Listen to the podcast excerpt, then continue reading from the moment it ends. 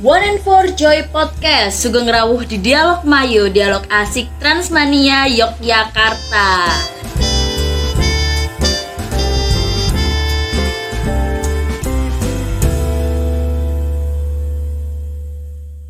Halo Mapren, berjumpa lagi dengan Suara Samara di episode 7 Dialog Mayo, Dialog Asik Transmania Yogyakarta. Oke, episode 7 kali ini kita akan membahas tentang kultur shock.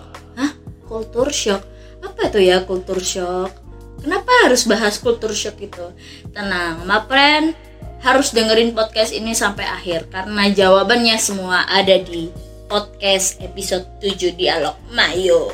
Jadi Mapren, kultur shock itu gambaran kegelisahan dari perasaan yang dirasakan apabila individu tinggal dalam kebudayaan yang berlainan sama sekali. Hah? Apa sih itu maksudnya? Jadi gini. Jadi waktu kecil kita berada di lingkungan keluarga yang mengajarkan kita uh, kebudayaan di keluarga budaya lingkungan, budaya pertemanan kita. Nah, tiba-tiba pada suatu masa kita harus dan diwajibkan untuk berada di lingkungan baru, entah di negara baru, entah di provinsi baru, dan itu budayanya belum pernah kita rasakan sama sekali. Ya mungkin kita tahu informasinya sedikit-sedikit dari membaca, internet dan sebagainya. Tapi kan belum tentu kita merasakan kultur shock itu sendiri. Jadi pada masa itu eh, Mapren ini harus merasakan oh begini orang-orangnya, oh begini makanannya, oh begini jadi banyak begini begini dan pertanyaan-pertanyaan dan itu harus membuat kita beradaptasi. Nah sebelum kita membahas lebih jauh nih kultur shock itu ada teman kita yang merupakan part of Transmania Yogyakarta Biar nggak sendirian, kita akan sharing dan caring dengan dua orang teman kita. Panggilin aja ya. Ada tetara Tasya. Hai Tasya. Hai Samara. Hai. Oke, lanjut aja nih. Kita panggilin satu lagi. Kita tarik teman kita satunya. Tatara tatat. Halo Mega. Halo Samara. Oh, Mega dan Tasya uh, Mega dan Tasya nih boleh lah memperkenalkan diri biar Mapren nih tahu oh siapa Tasya, siapa Mega, dari mana asal kalian, tinggal di mana sekarang dan sebagainya. Boleh lah tipis-tipis biar Mapren nih kenal karena tak kenal maka tak sayang. Bener banget. Oke, halo Mapren. Perkenalkan, namaku Mega Octavia. Saat ini tengah menempuh perkuliahan di Universitas Gajah Mada jurusan D3 Bahasa Inggris. Asal aku dari Palembang, Sumatera Selatan. Oh, Palembang yang terkenal dengan empek-empeknya. Ih, delicious. Iya nih, pempek. Oke, lanjut dari uh, Tasya. Silakan Tasya. Oke, okay, halo my friend. Kenalin, aku Tasya dari Bekasi dan aku sekarang lagi kuliah Alhamdulillah banget nih bareng juga sama Mega di D3 Bahasa Inggris kalau vokasi UGM. Oh ini sama-sama anak-anak anak UGM sastra Inggris juga. Iya kebetulan Lala, sama satu. Iya nih sekelas. Satu angkatan nggak? Sekelas. Satu angkatan iya bener banget. Wah kenal dong pastinya ada feelnya dapet nih. Waduh. Eh Tasya dari dari Bekasi ya? Iya bener banget. Bekasi itu terkenal sama planetnya nggak sih? Iya, sumpah. Planet Bekasi gitu. Benar banget, pasti kalau apa-apa pasti orang tuh taunya oh yang planet itu ya kan. Jadi kitanya kayak udah kebiasa aja sih. Karena kan Tasya yang dari Bekasi, terus Mega dari Palembang. Kenapa sih Tasya dan Mega ini memilih merantau di Yogyakarta? Siapa ya? Tasya dulu aja deh. Oke, sebelumnya sih awalnya aku nggak terlalu kepikiran banget bakal di Jogja, tapi nggak tahu kenapa tiba-tiba mendarat nih di Jogja dari planet ke Jogja, alhamdulillah banget udah di bumi lagi. Dan aku tuh sebelumnya nggak kepikiran tuh. Nah, aku awalnya pengen kuliah di yang deket-deket aja lah sama Bekasi, kayak di Depok atau di mana. Tapi ternyata alhamdulillah dapetnya di Depok versi Sleman Yogyakarta. Nah, tapi pas abis dapet itu tuh aku kayak ngerasa kayaknya Jogja tuh seru banget sih pasti aku langsung kepoin tuh menarik banget kan Jogja tuh budayanya menarik terus juga ah, bener tuh katanya Aditya Sofyan kan ada sesuatu di Jogja dan pas aku habis kepoin tuh bener-bener ternyata bukan ada aja tapi banyak sesuatu di Jogja. Oke, mungkin bisa lanjut ke Mega ya. Yuk Mega yuk. Kalau aku emang udah impian banget sih, soalnya aku tuh emang ngejer banget UGM. Padahal tuh univ lain tuh banyak yang bagus kan, tapi ya pengen banget gitu UGM. Terus selain UGM juga di Jogja, Jogja tuh juga kota pelajar. Terus mesti kan nanti tuh bakal banyak ketemu mahasiswa dari berbagai daerah, dari mungkin dari Sabang sampai Merauke ya ada di Jogja kali ya. Terus Jogja tuh juga terkenal murah, apalagi sama nasi kucingnya itu udah terkenal banget.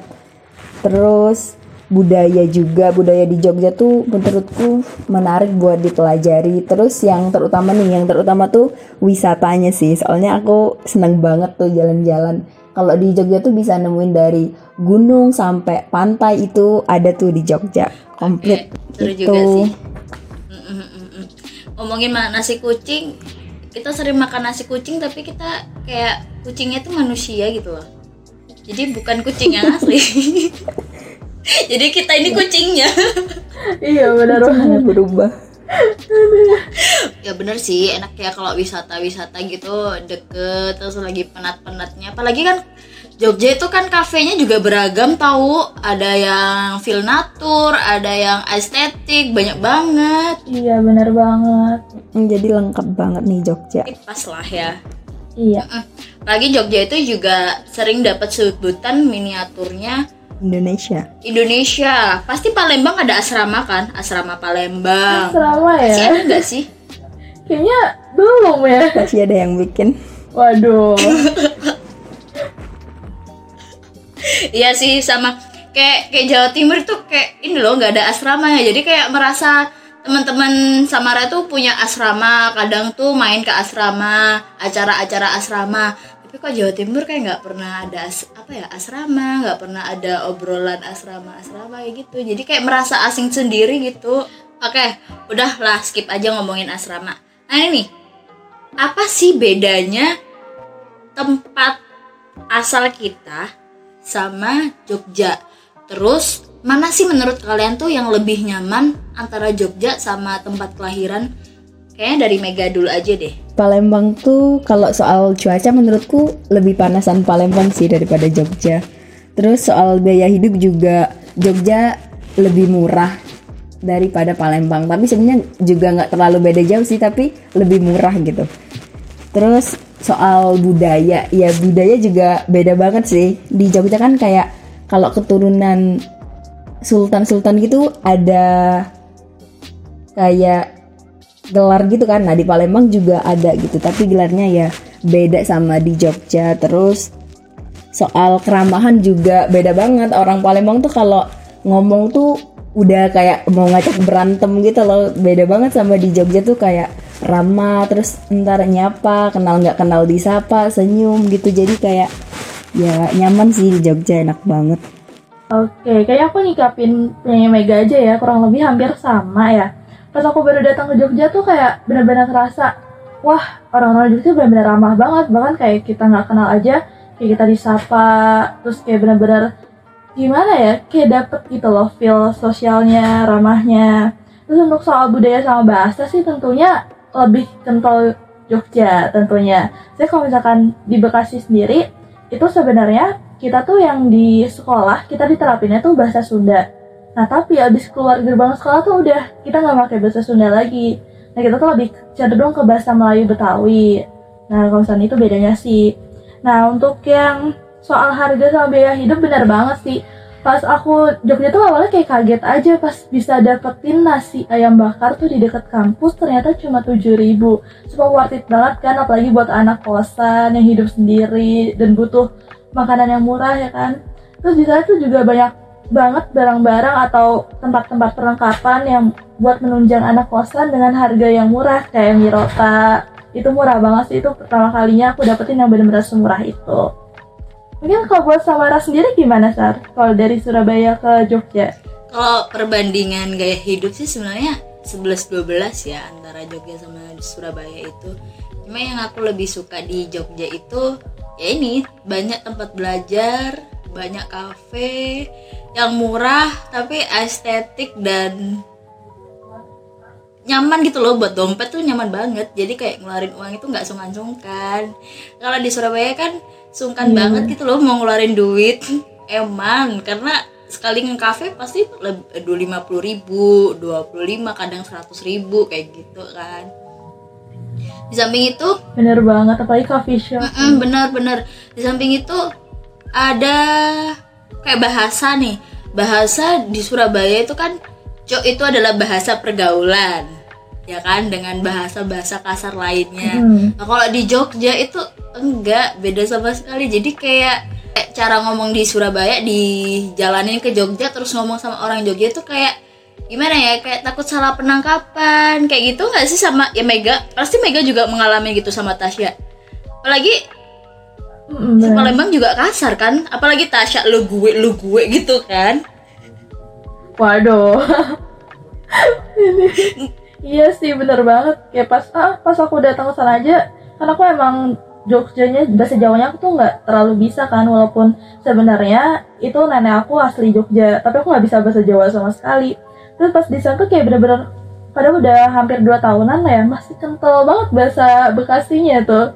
Dan kayak orang tuh kayak bener kenal nyablak banget sih digituin. Ngablak kalau Mega sendiri nih karena kan tadi Mega sempat singgung nih kalau Palembang itu ada kerajaan. Samara tuh baru tahu loh kalau Palembang itu ada kerajaan Iya, jadi kalau kerajaannya kemarin tuh ada kerajaan Buddha terbesar gitu sih se Asia Tenggara pada zamannya.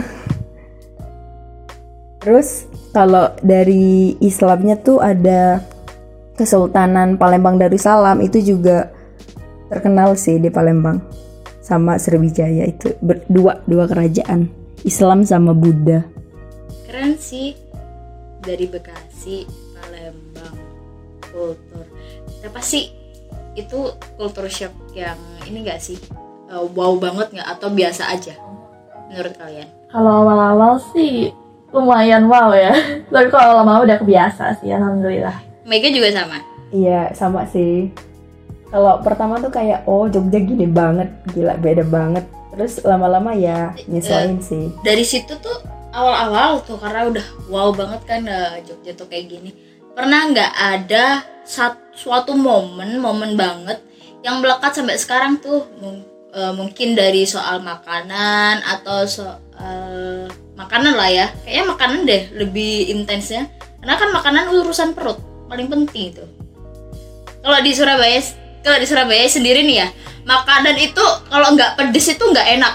Kalau nggak ada terasi itu nggak enak. Terus kalau gorengan itu mesti dicocol sama petis. Itu baru nyes. Petis sama cabe. Nah kalau di Jogja kan nggak ada tuh. Gorengan ya sama cabe doang. Jadi tuh rasanya kayak hambar gitu. Nah kalau dari Tasya sama Mega sendiri tuh gimana? Oke, kalau misalkan dari aku sendiri soal makanan ya, itu kan emang aku terbiasa tuh di rumah, mama karena papa orang Padang dan emang harus selalu ada sambal kalau nggak dia nggak mau makan. Nah makanya tuh benar-benar kayak udah kebiasa aja setiap hari pasti harus makan pakai sambal. Nah kayak nggak pakai sambal tuh kayak gimana ya rasanya tuh hampa banget kan. Nah pas datang ke Jogja itu nyobain makanan yang rasanya tuh kayak langsung manis-manis gitu. Itu awalnya kayak aku agak kaget aja sih ma- manis banget ternyata apalagi kayak gudeg gitu kan nah terus kadang aku juga nyobain sambal tuh sambalnya Jogja masih juga manis dan makanya kayak sesuatu yang baru aja sih ternyata Jogja itu nggak pelit banget sama gula ya dan soalnya manis-manis semua gitu sampai orang-orangnya pun manis-manis senyumnya manis tata kerama Aduh. manis nggak jauh-jauh dari itu kalau kalau Mega sendiri gimana Kalau dari aku nih dari gorengan ya sama kayak Samara. Kalau di daerah Palembang tuh atau Sumatera tuh gorengannya tuh mesti pakai cuko gitu loh, pakai kuah pempek. oh kalau di sana cuka itu Kalau di Palembang tuh cukanya tuh nggak harus buat pempek tok, jadi dia tuh bisa buat tahu, bisa buat gorengan pisang atau ubi atau sejenis pempek-pempek lain. Soalnya kan pem- jenis pempek juga banyak tuh.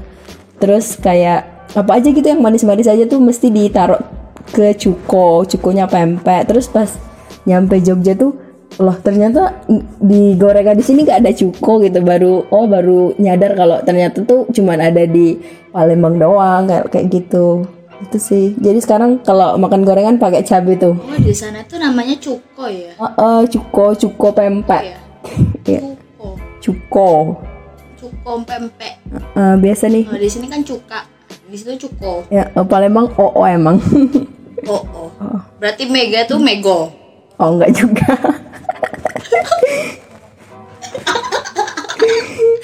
Oke oke. Iya Mego. Emang makanan itu melekat banget ya. Apalagi tuh ini soto. Aku tuh kayak paling kaget itu sama sotonya Jogja bening. Hah? Ini beneran soto bening kayak sop. Tapi kok emang sebutannya soto? Karena kan soto kalau di Surabaya itu kan lebih ke soto Lamongan kan warnanya kuahnya kuning terus dikasih ayam sama koya kayak gitu kan. Di sini tuh bening kayak minum air putih gitu. Kalian sempet ngerasain yang sama gak sih sama soto-soto di Jogja itu? beberapa kali sih Sebenarnya sih kalau di Bekasi banyak banyak variasi. Maksudnya sebelumnya aku udah tahu nih soto ada variasi yang versi Lamongannya atau versi versi yang kayak di Jogja. Jadi nggak terlalu Hmm. beda banget sih kalau aku. Kalau Mega soto Palembang tuh kayak Eh. gimana?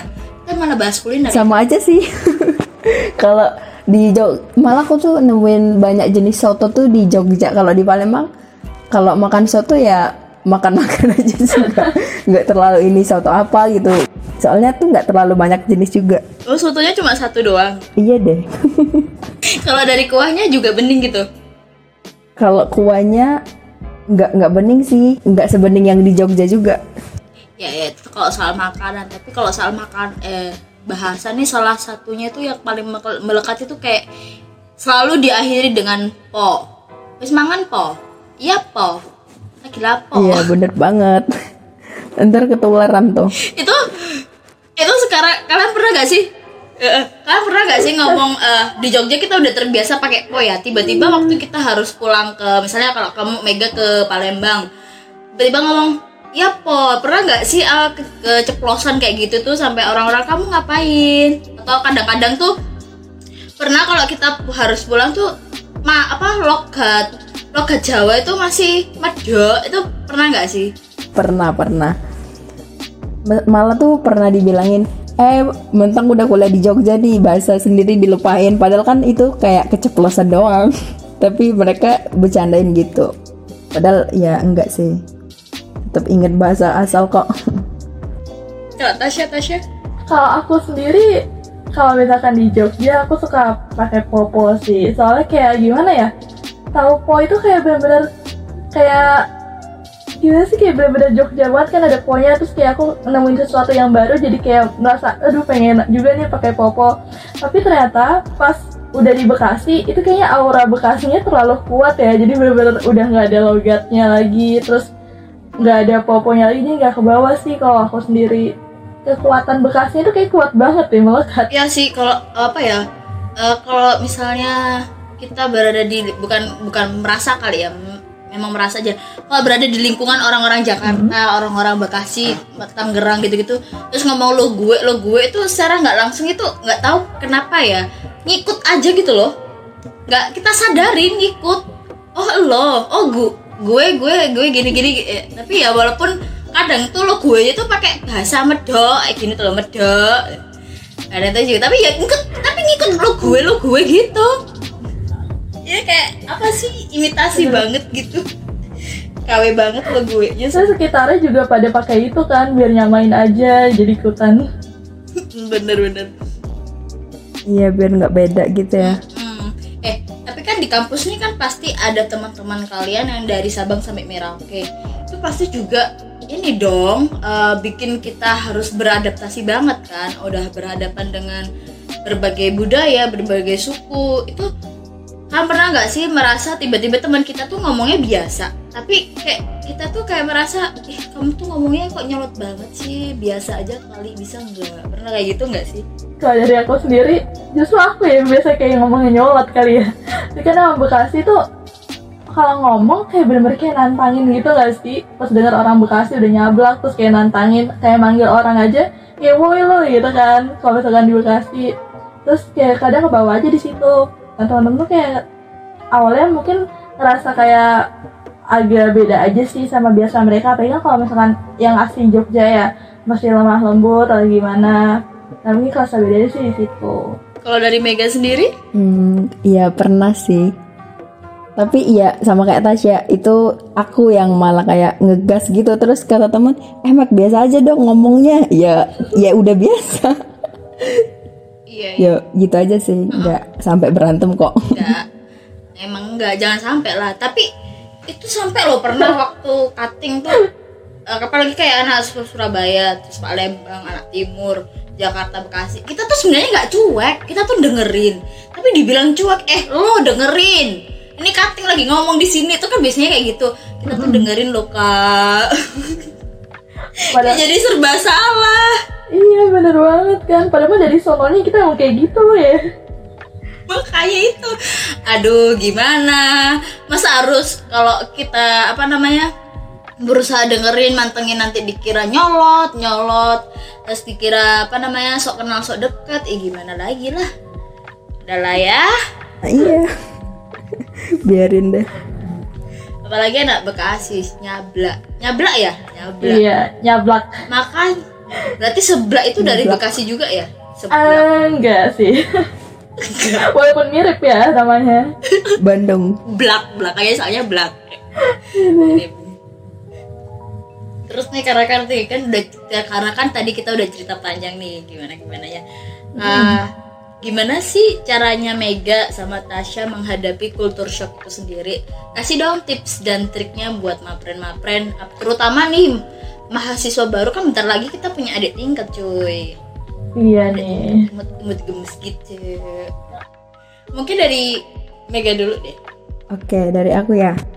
Eh, kalau dari aku sih tips ngadepinnya tuh usahain buat ngebuka diri sih sama lingkungan sekitar, sama masyarakat sekitar, terus kayak ngobrol sama teman, tanya-tanya atau ngobrol ringan atau mungkin kalau ntar kita merasa nggak ngerti atau apa gitu- atau apa-apa ntar bisa nanya temen juga. Terus apa ya? kita harus ada keinginan buat itu sih menurutku buat melajarin budaya Jogja itu sendiri. Soalnya ntar kalau kita udah tahu ya kita bakal nemuin hal yang istimewa juga tuh dari Jogja yang mungkin nggak nggak ditemuin di daerah asal kita gitu. Tasya sendiri? Oke, kalau misalkan ditanya sendiri, itu aku pas awal-awal banget tuh aku ngawalinnya dengan cari organisasi mahasiswa daerah. Nah, kalau misalkan dari Bekasi sendiri kan ada dua tuh, ada yang dari UGM Bekasi, ada juga yang Jogja Bekasi. Nah, kebetulan aku ikut dua-duanya, cuma lebih dekat ke yang UGM Bekasi nih, karena emang selingkungan juga kan, sama-sama di UGM, jadi lebih sering ketemu. Nah, itu bener-bener, kalau menurut aku sih bener-bener ngobatin rasa rindu ya. Soalnya kan kalau misalnya di Jogja kita apa ya meminimalisir buat ngomong lo gue kan sedangkan kalau udah ngumpul sama anak Bekasi itu bener-bener lo gue tuh keluar semua tuh bahkan kayak waktu itu kita sempat nongkrong bareng itu sampai orang-orang tuh pada ngeliatin gara-gara emang Bekasi pada nyablak banget kan. Nah itu sih yang pertama. Yang kedua tuh ikut coba aja ikut organisasi apa atau apa pokoknya ibukin diri terus ngisi keuangan kalian, aktivitas kalian. Karena selain nambah relasi itu juga bisa ngurangin kerinduan kalian sama orang tua atau sama rumah. Nah, kurang lebih sih kayak gitu sih yang aku ituin. Sama satu lagi ya, itu cari teman yang sefrekuensi. Itu benar-benar berguna banget sih kalau menurut aku benar-benar ngefek banget. Karena dengan adanya teman-teman sefrekuensi, kita misalnya kayak bosan atau ngerasa sendiri atau gimana kita bisa share- saling sharing atau mungkin ngilangin penat bareng-bareng gitu. Kalau Samara mungkin gimana, Sa? kalau dari Samara sendiri sih bener sih dari Mega sama Tasya memang circle kita itu yang paling mendukung kita terutama orang tua. Apa-apa kita harus curhat sama orang tua karena kan kita jauh dari orang tua juga kan. Jangan pendem masalah itu terlalu dalam sampai kita bikin frustasi atau sebagaimana tapi tetap harus disalurkan. Dari mulai kita bisa berkarya eh, organisasi. Salah satunya organisasi Transmania Yogyakarta itu bagus banget buat mapren ngembangin soft skill, hard skill itu bagus banget. Terus kita juga harus pandai-pandai nih eh, milah circle kita mana lingkungan yang bagus, mana lingkungan yang bagus. itu harus bener-bener kita analisis harus kita bener-bener kasih sekat sekat sekat karena kalau nggak gitu kita bisa jadi berada di lingkungan toxic friendship dan itu nggak baik buat perkembangan kita dan kita bisa jadi menjadi pribadi yang stagnan dan cuma di situ-situ aja gitu loh. Nah kalau ngomongin toxic friendship Transmania ini pernah ngebahas di podcast episode 6 jadi Mapren ini bisa banget dengerin dialog Mayo di episode 6 juga kita juga biasanya nih ya uh, anak-anak mahasiswa dari nggak tahu siapa lah uh, mahasiswa tuh biasanya uh, zaman udah masa-masanya untuk kita berpacaran ya nggak sih jadi itu harus pandai-pandai banget milih pacar yang nggak posesif dah deh aduh pengalaman gini ya Tasya sama Vega udah punya pacar apa lagi jomblo deh? Jawab Tas. Waduh, saya nggak pacaran kak. gimana gimana nih? Mega sumpah banyak banget Mega. Dari A sampai Z ada semuanya gak sih? Uh. Dari fakultas A sampai fakultas B. Enggak enggak itu Tasya yang Antar jago. universitas juga ada Mega. Mantap banget. Tasya nih. Enak ya, kamu sih. makan semua itu Mega. Enggak Tasya emang anak-anak gosip gitu. Oh, Waduh, kan sama kamu. Oh, ini lambe turahnya ini. Oh, Tasya ini lambe Sama turah. Iya aku anggotanya aja sih, Mega ketuanya. Tapi nggak apa-apa sih, Meg. Kita banyak banyak cowok, maksudnya kenal satu cowok. Jadi kita tuh tahu, oh ini cowok yang nggak baik buat kita. Ini cowok yang ya kapan-kapan lah. Nggak harus nggak harus cowok yang jadi fuckboy dong. Kita juga Iya, pandai-pandai kan? harus jadi fuck girl gitu loh. Benar banget namanya juga masih menjelajah ya kan, menemukan yang tepatnya nanti. Menjelajah dulu aja. itu sebenarnya pengalaman Tasya. Aduh. Kita harus berkembang diri dalam urusan percintaan, oke? Mantap, mantap. Bener. Oke, kayaknya kita udah sampai sini aja dulu. Thank you buat Tasya sama Mega udah menyempatkan waktunya di podcast Dialog Mayo ini. Semoga bermanfaat buat mapren-mapren yang mendengarkan. Oke, see you Mega, see you Tasya. See you. See you Samara, makasih juga. Oke, Mapren karena kita udah bincang-bincang dari A sampai Z tentang kultur shock di Yogyakarta. Semoga bermanfaat buat Mapren yang mendengarkan. Dan jangan lupa untuk terus dengerin Dialog Mayo yang bakal selalu hadir nemenin malam minggu kalian setiap hari Sabtu jam 4 sore di Spotify, Dialog Mayo, dan Instagram at Transmania underscore.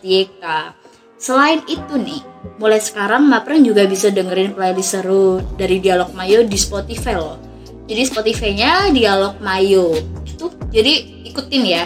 Juga ikutin di Spotify. Misalnya kalau Mapren mau ngasih kritik dan pertanyaan apa pun bisa loh Mapren langsung komen di kolom komentar atau DM di @transmania underscore YK.